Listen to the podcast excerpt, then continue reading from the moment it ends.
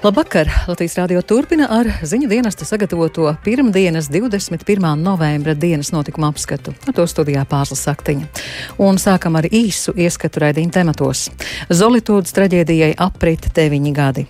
Nē, nezinu, nezinu. Nē, nezinu. Iebruka jumts un daudz cilvēku gāja bojā. Tas šodien ir 21. novembris. Nē, es laikam nezināšu. Jā, ak, Dievs, jā, protams, jā, es ļoti skaidri atceros to. Hersona atgūstas no okupācijas, pilsēta pilnībā atkarīga no ārējās palīdzības.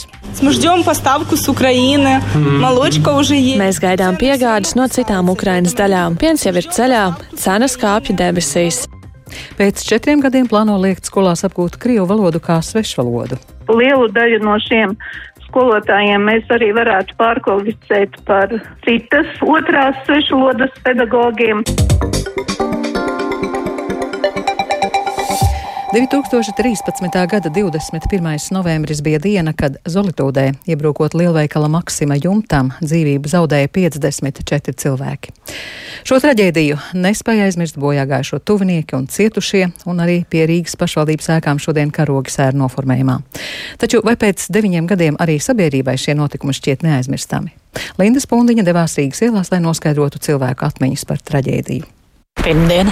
Varbūt jūs atceraties, kas ir noticis Latvijā 21. novembrī? Nē, nezinu, nezinu. Nē, nezinu. Nu, tur kā jums saka, krīst. Deviņi cilvēki vai cik tur bija? Neatceros. Iebruka jumts un daudz cilvēku gāja bojā. Bet tā, nu, tā kad es tur baigi būt iedziļinājusies, kas tur notiek, kā tur notiek, ne. Tas šodien ir 21. novembris. Nē, es laikam nezināšu. Vai jūs esat ko dzirdējis par uh, Maksimas traģēdiju Zolītūdu? Jā, ak, Dievs, jā, protams, jā, es ļoti skaidri atceros. Es skatījos visu dienu tiešraidi, paziņots, vēl viens miris cilvēks, vēl viens miris cilvēks atrasts. Līdz bija, man liekas, 54 cilvēkiem. Es atceros, man par to pastāstīja māsa sākumā. Par laimi manējiem radiem un draugiem viss bija kārtībā. Paziņas no tās puses radi draugi, jūs teicāt, no Zolītūdas tieši? Jā, mums bija viens draugs tur dzīvo. Un uh, vecmāmai māsa. Par viņu mēs tā domājam, vai viņai viss kārtībā. Un... Sanāk aizmirst šo dienu. Jā. Bet vai notikumus, vai tieši konkrēto dienu, kad tas notika? Konkrēto dienu, jo tā par to ik pa brīdim tiek runāts. Pazolītūdī, jā. Es ļoti spilgti atceros to vakaru. Es nācu no darba, tad vēl strādāju. Tad man meita bija Vācijā, tad tūlīt zvadīju un stāstīju, ka šausmas mums Latvijā. Tā bija, man liekas, piekdiena pat. Es šodien nodomāju, kaut kas līdzīgs šodien ir tam laika apstākļu ziņā. Ko atceramies? Visi mēdī, ko ziņoja, pārdzīvojums, neizpratne un nu, vis tālāk veļošais ar notikumiem, atkritīšanos no atbildības un tam līdzīgi. Par ko tas viss ir pārvērties, tas, protams, ir fars no likumiskā viedokļa. Ar atbildību uz vienu, diviem cilvēkiem. Pārējie, protams, pēc tam ķepiņas neko nezina. Papīru kalni, tiesvedību garumi. Nāk lielākas ziepes, un šīs ir atkal aizmirsušās. Tā ir pagājuši deviņi gadi, un es domāju, ka tā ir cilvēka arī skums un sēro savos dzīvokļos. Pieminot traģēdiju, cilvēki runā arī par tiesas procesu, kā dzirdējāt, kas nav noslēdzies. Decembrī apritējas septiņi gadi, kad traģēdijas krimināllietu iztiesā. Lindas Spundiņas ierakstā dzirdēsiet, kā norit atbildīgo meklēšana tiesas ceļā. Apritot jau 9. gadsimtai, kad iebrūkot lielveikala Maksima jumtam dzīvību zaudēja 54 cilvēki un vairāki guva ievainojumus, joprojām tiesa meklē vainīgos. Nākamajā mēnesī apritēs jau septiņi gadi, kad pirmās instances tiesa sanāca uz pirmo sēdi. Zolītūdas traģēdijas krimināla lietu pirmajā instancē iztiesāja četrus gadus un divus mēnešus, bet kopā ar spriedumu rakstīšanu tiesvedība aizņēma gandrīz piecus gadus. To laikā notikušas teju 200 tiesas sēdes, 267 personas atzītas par cietušajiem. Būva eksperti secināja, ka traģēdija notika, jo bija nepareizi aprēķinātas jumta konstrukcijas slodzes, tādēļ tas iegruva. 2019. gada jūnijā prokurors pabeidza savu debašu runu. Deviņiem apsūdzētiem lūdza piespriest maksimālo sodu - septiņus ar pusi gadus cietumā. Visi apsūdzētie vainu noliedza. Pirms diviem gadiem, 16. novembrī, pirmās instances tiesa sagatavoja lietas pilno spriedumu. Tās apjoms bija vairāk nekā 1200 lapas. Rīgas pilsētas pārdaugavas tiesa par vainīgu atzina tikai ēkas būvu inženieri Ivaru Sergetu, kuram piesprieda sešu gadu cietumsodu un liedz arī piecus gadus strādāt savā profesijā. Pārējos astoņus lietā apsūdzētos attaisnoja. Sargats un daļa cietušo spriedumu pārsūdzēja, kā arī apelācijas protestu iesniedz prokurori, tāpēc pagājušā gada novembrī lietu sāka skatīt apelācijas instancē. Šomēnes lietā noslēdzās tiesu debatas. Jāpiemina, ka prokuratūra lūdz apgabalu tiesu apmierināt apelācijas protestu un atcelt pirmās instances spriedumu daļā par astoņu apsūdzēto atzīšanu par nevainīgiem. Kaut arī tiesas process tuvojas noslēgumam, galu tas šajā gadā neredzēs. Tiesa nākamo sēdi nozīmējusi nākamā gada 10. janvārī. Tad apsūdzētiem dos pēdējo vārdu. Linda Spundiņa, Latvijas radio. Pēc tam, kad Ukrainas armijai izdevies atbrīvot Hersonu valsts dienvidos, cilvēkiem pilsētā aizvien nākas saskarties ar dažādiem izaicinājumiem, arī pārtikas un dažādu pakalpojumu trūkumu. Un par to, ka karš ar pilsētas atbrīvošanu nebūtu nav beidzies, liecina Krievijas nerimstošās apšaudes, kas šodien skārušas arī Hersonu. Bet turpinoties Krievijas pastrādāto noziegumu izmeklēšanai, pilsētā uzietas četras spīdzināšanas vietas. Un plašāk par to stāsta Rihards Plūme. Ukraina turpina darīt visu iespējamo, lai nesen atbrīvotā Hersona atkal nostātos uz kājām, bet tas nav viegli. Nav elektrības, nav ūdens un apkures. Mājas kļūst mitras, radot labvēlīgu vidi slimību izplatībai iedzīvotāju vidū. Hersona ir pilnībā atkarīga no ārējās palīdzības. Cilvēki stāv garās rindās, lai saņemtu humāno palīdzību, meklē siltas drēbes, saņem pārtiku, ūdeni. Kāds vīrietis, kurš arī stāv rindā, stāsta, ka, piemēram, okupācijas laikā nesot varējis dabūt gaļu. Такого вообще не было. Дорого очень. Все очень дорого. То, слава богу, было еще тепло, были овощи. Nekas tāds nebija, vai arī tas bija dārgi. Viss bija ļoti dārgs. Paldies Dievam, ka ilgi bija silts. Tāpēc bija daudz dārziņu, mēs izdzīvojām ar dārziņiem. Bet viss bija dārgs un man nebija darba. Bija cilvēki, kas gāja strādāt, bet es okupācijas laikā to negribēju darīt. Arī veikala pārdevēja norāda, ka cenas joprojām ir ļoti augstas. Mēs gaidām piegādes no citām Ukrainas daļām. Piens jau ir ceļā, cenas kāpja debesīs. Tāpēc cilvēki cenšas ekonomēt vai nākt laiks, kad ir atlaides. Helsonas reģionālās padomes pirmais vadītāja vietnieks Jurijs Soboļevskis norādījis, ka no Helsonas apgabala kreisā krasta joprojām nav iespējams nokļūt atbrīvotajā teritorijā. Pēc viņa teiktā, Krievi kustību pārtrauca jau pirms pāris nedēļām, jo daudzi vēlējās pamest kreiso krastu. Зараз тимчасово заборонена з зрозумілих причин навігація із нашого боку, тому Tagad šī kustība ir uz laiku aizliegta no mūsu puses, acīm redzama iemesla dēļ dēļ pastāv liels ienaidnieku iefiltrēšanās risks no kreisā krasta. Tagad situācija tiek kontrolēta, bet civilā kustība nav iespējama. Turpinoties Ukrainas dienestu darbam, Hersonā atklātas četras spīdzināšanas vietas. To šodien paziņojumā norādīja Ukrainas ģenerālprokuratūra, kas skaidroja, ka amatpersonas ir pārbaudījušas četras vietas, kurās Krievijas karaspēks nelikumīgi aizturēja cilvēkus un nežēlīgi spīdzināja ieslodzītos. Krievijas spēki Hersonas aizturēšanas centros, kā arī policijas iecirknī, izveidoja pseidotiesība aizsardzības iestādes, tā teikts paziņojumā.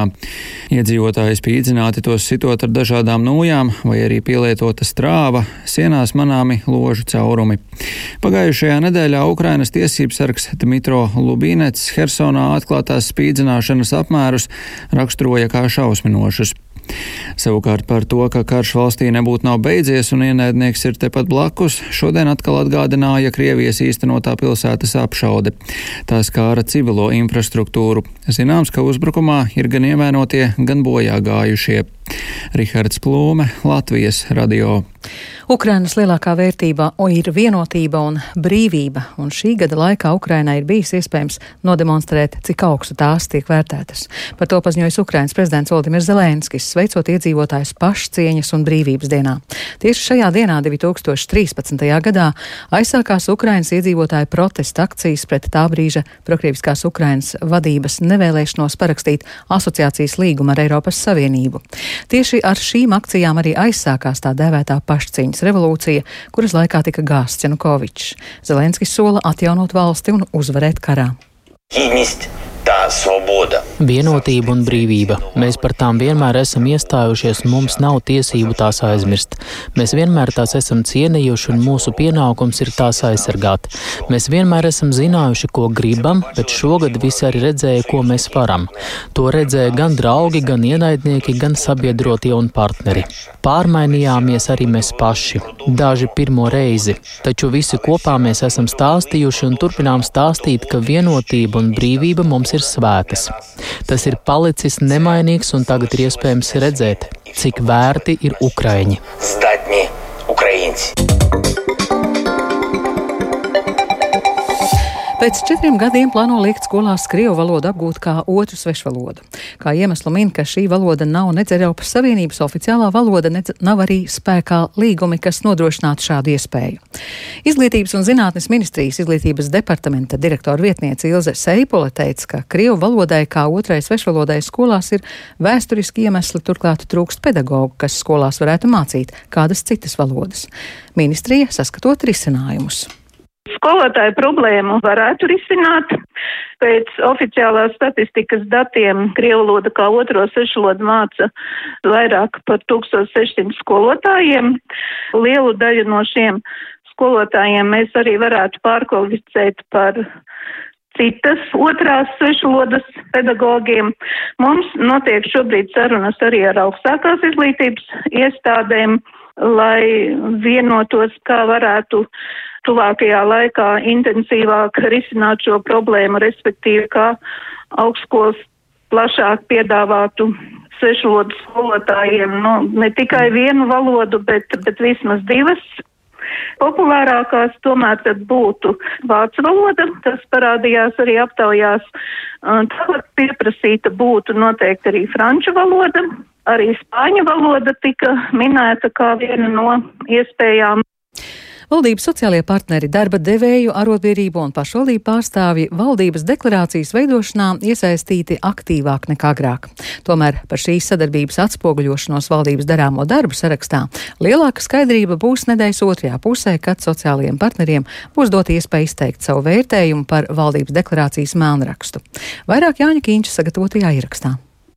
Potenciālajie koalīcijas partneri darba grupās līdz svētdienas vakaram ir sagatavojuši valdības deklarācijas projektu sadaļas un sākuši tās apkopot vienotā dokumentā.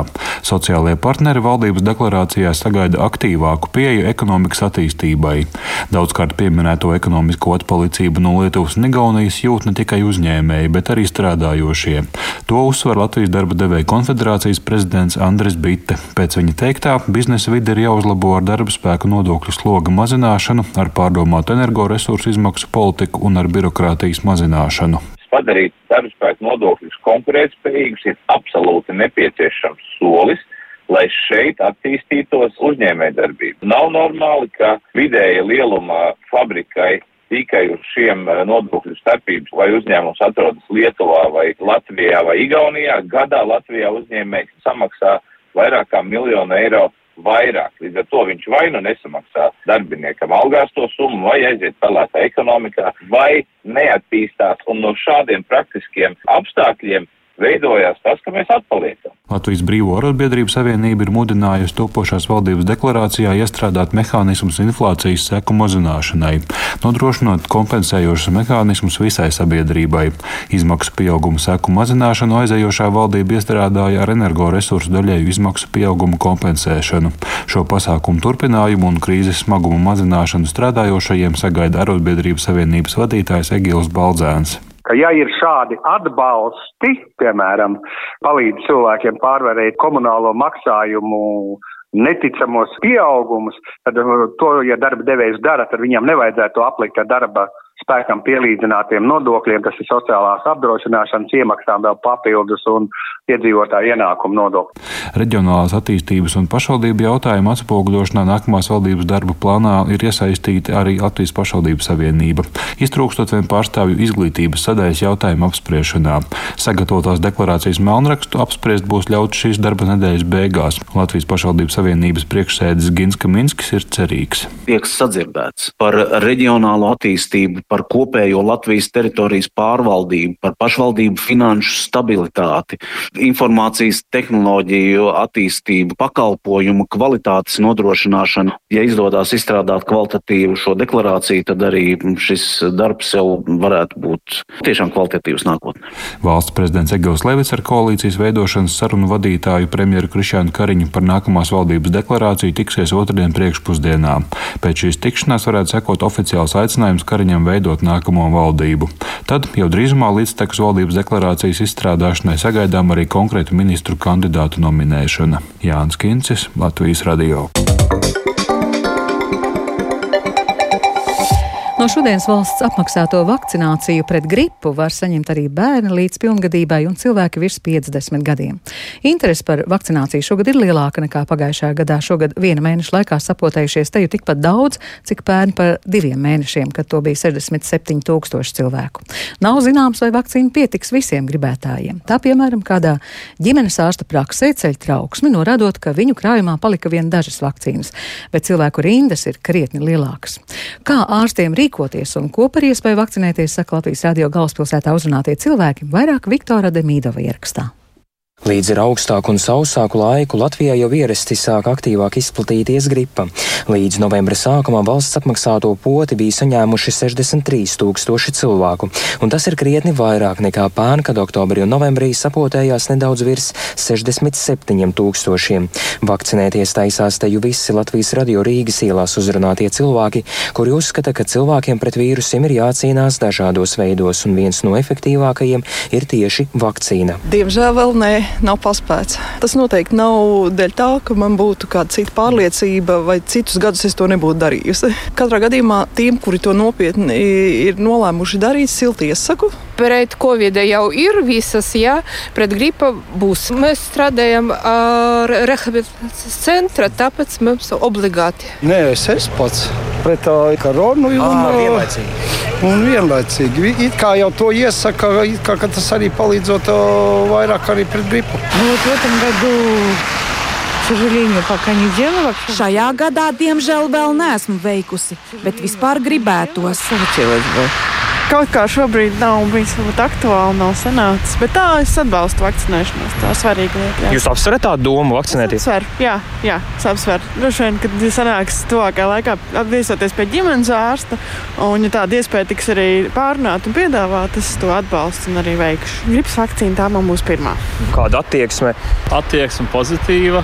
Jūs taisāties pret to vakcināciju? Mm, nē, es tā kā rūdos savādākā veidā.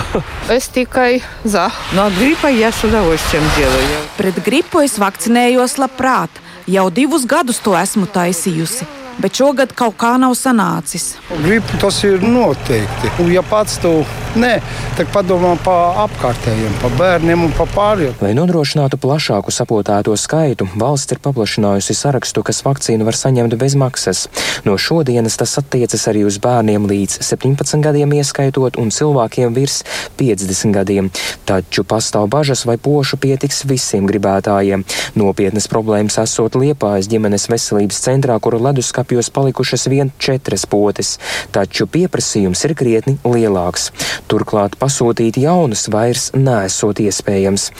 Turpina ģimenes ārste Linda Reitsle. Manuprāt, tā ir absurda situācija. Neskatoties uz visu to darbu apjomu, kas ir gan mums, gan SPKC un visiem pārējiem, tomēr taču ir jāsaprot mūsu iedzīvotāju skaits, iedzīvotāju aktivitāti, paskatīties uz iepriekšējiem pāris gadiem, ja kāds ir Covid laikā, tas gripas vakcinācijas apjoms un kārtīgi arī aprēķināt to, nu, cik tad vajadzēs tās vakcīnas pasūtīt un izplatīt. Es pieļauju, pieļauju, ka iespējams sākumā, veicot septembra pasūtījumu, varbūt nebija pareizi saplanots un paredzēts, cik iespējams cilvēki atsauksies vakcināciju esošās riska grupās. Tā skaidro slimību profilakses un kontrolas centra pārstāve Larisa Savrasova, norādot, ka valsts šogad apmaksās 119 tūkstošus vakcīnu, no kurām visas jau ir sadalītas pa vakcinācijas iestādēm. Un tas nozīmē, ka noliktavā Lietuvā nevienas potes vairs nav. Skaits izvēlēts balstoties uz iepriekšējo gadu pieprasījumu, kad, piemēram, pērn vakcīnas palikušas pāri. Savrasova skaidro, kā ārstiem tagad rīkoties. Vēl joprojām prioritāri ir vakcinējamas pašas pirmās ar oktobri, kuras sākušas vakcinēties, tās riska grupas. Un, ja tam riska grupam nepietiek krājums, tad ārstniecības iestādēm iespēja novirzīt šos pacientus uz tiem vakcinācijas kabinetiem, kur vakcīna ir pieejama. Savrasova pieļauj, ka valsts apmaksāto vakcīnu skaits var būt palielināts, taču par to Nacionālais veselības dienests vēl lemšot. Viktors Demidovs, Latvijas radio. Trešdien Dēls teātrī būs spēļu nakts balvošanas ceremonija, kurā sadalīs balvas 13 kategorijās. Lai arī aizvadītajā sezonā teātros vēl bija jūtama pandēmijas ietekme, žūrijas komisijai izdevās izvērtēt vairāk nekā simt sezonas jauniestudējumu. Kādi ir secinājumi par to plašāk Baibas kušķis ierakstā? Aizvadītā sezona sasnieguma ziņā bijusi visai līdzena, bet šis līdzenums ir gana krāsains. Šāds ir viens no žūrijas kopējiem atzinumiem par sezonu. Savā redzējumā dalās žūrijas pārstāvis teātra kritiķis Toms Čevers. Diezgan vienmuļa tā sezona bija, un tiešām tikai atsevišķi tādi inovatīvi un interesanti un jutekļus sakairodoši tādi punkti. Tātad, protams, Dailas teātra grāvējs Rotko, tāpat arī Alvija Hermaņa postskriptum. Aizvadītajā sezonā vairāk dominēja intīmās saskarsmes teātris, ko izrāda mazajās zālēs, tāpēc vissīvākā konkurence bija izraugoties izrādes pretendentes kategorijai gada mazās formas izrāde. Gan tādi formas meklējumi, kā kalendārs mani sauc, gan arī psiholoģiskas attiecības studijas, kā, kā Belna Virģīnijas Vulfas, tāpat arī izcila izklaide, kā Lauras Grozes Keroka ceļš. Nu, nav apšaubāms, ka pagājušā sezonas līderis bija Valmieras teātris. To, ka Valmieras teātris ļoti veiksmīgi un interesanti integrējas jaunos aktierus savā trupā, izceļ arī žūrijas pārstāve Līga Ulberte. Tāpat kā to, ka ļoti piesaistoši lielajā zālē Jūra Žagara vadībā sevi turpina apliecināt Dailas teātris. Tas ir ļoti skaisti, ļoti interesanti, provokatīvi, aizraujoši. Joprojām domāju, ka tas nav ilgstoši. Otrā zona ļoti, man liekas, interesanti. Valmers teātris aizvadīto sezonu ir aizvadījis ar visām savām ekstrēmajām grūtībām. Nu, faktiski visas tās izrādes pagājušā sezonā Valmers teātris teātri ir kaut kādā ziņā būtisks. Ja iepriekšējās sezonās nominācijās arvien vairāk ienāca nevalstiskie teātri, tad pagājušā sezona šim sektoram bijusi klusa. Tas parādās vien dažās kategorijās. Līga Ulberta to saista ar Covid laika sekām, kas nevalstisko sektoru skāra daudz vairāk nekā lielos teātrus, tāpēc jācer, ka tas ir pārējoši. Cik operatīvi teātris saturiskajā ziņā reaģēja uz aktuālajiem notikumiem, Līga Ulberta atzīst, ka viņa gribētu redzēt, ka reaģētu vairāk nekā tas reāli bija. Nu, ir jāatzīmē objektīvi divas jaunā Rīgas teātris izrādes - Kristīnas Krūzes iestudētie sliktie ceļi un Alvi Harmaņā postskriptum, kā tomēr tieši reakcija uz šo laiku. Jā, gribētos, lai tādu būtu vairāk.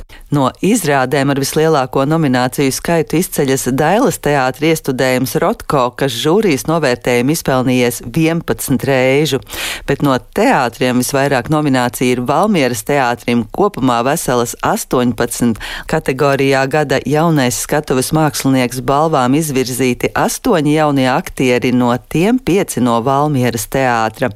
Kopumā spēlmaņu nakts balvas pasniegs 13 kategorijās, bet par mūža ieguldījumu teātra mākslā daudzinās režisori un pedagoģi Ainu Matīsu un režisoru, aktieru un pedagogu Edmundu Freibergu. Baiba Kušče, Latvijas radio.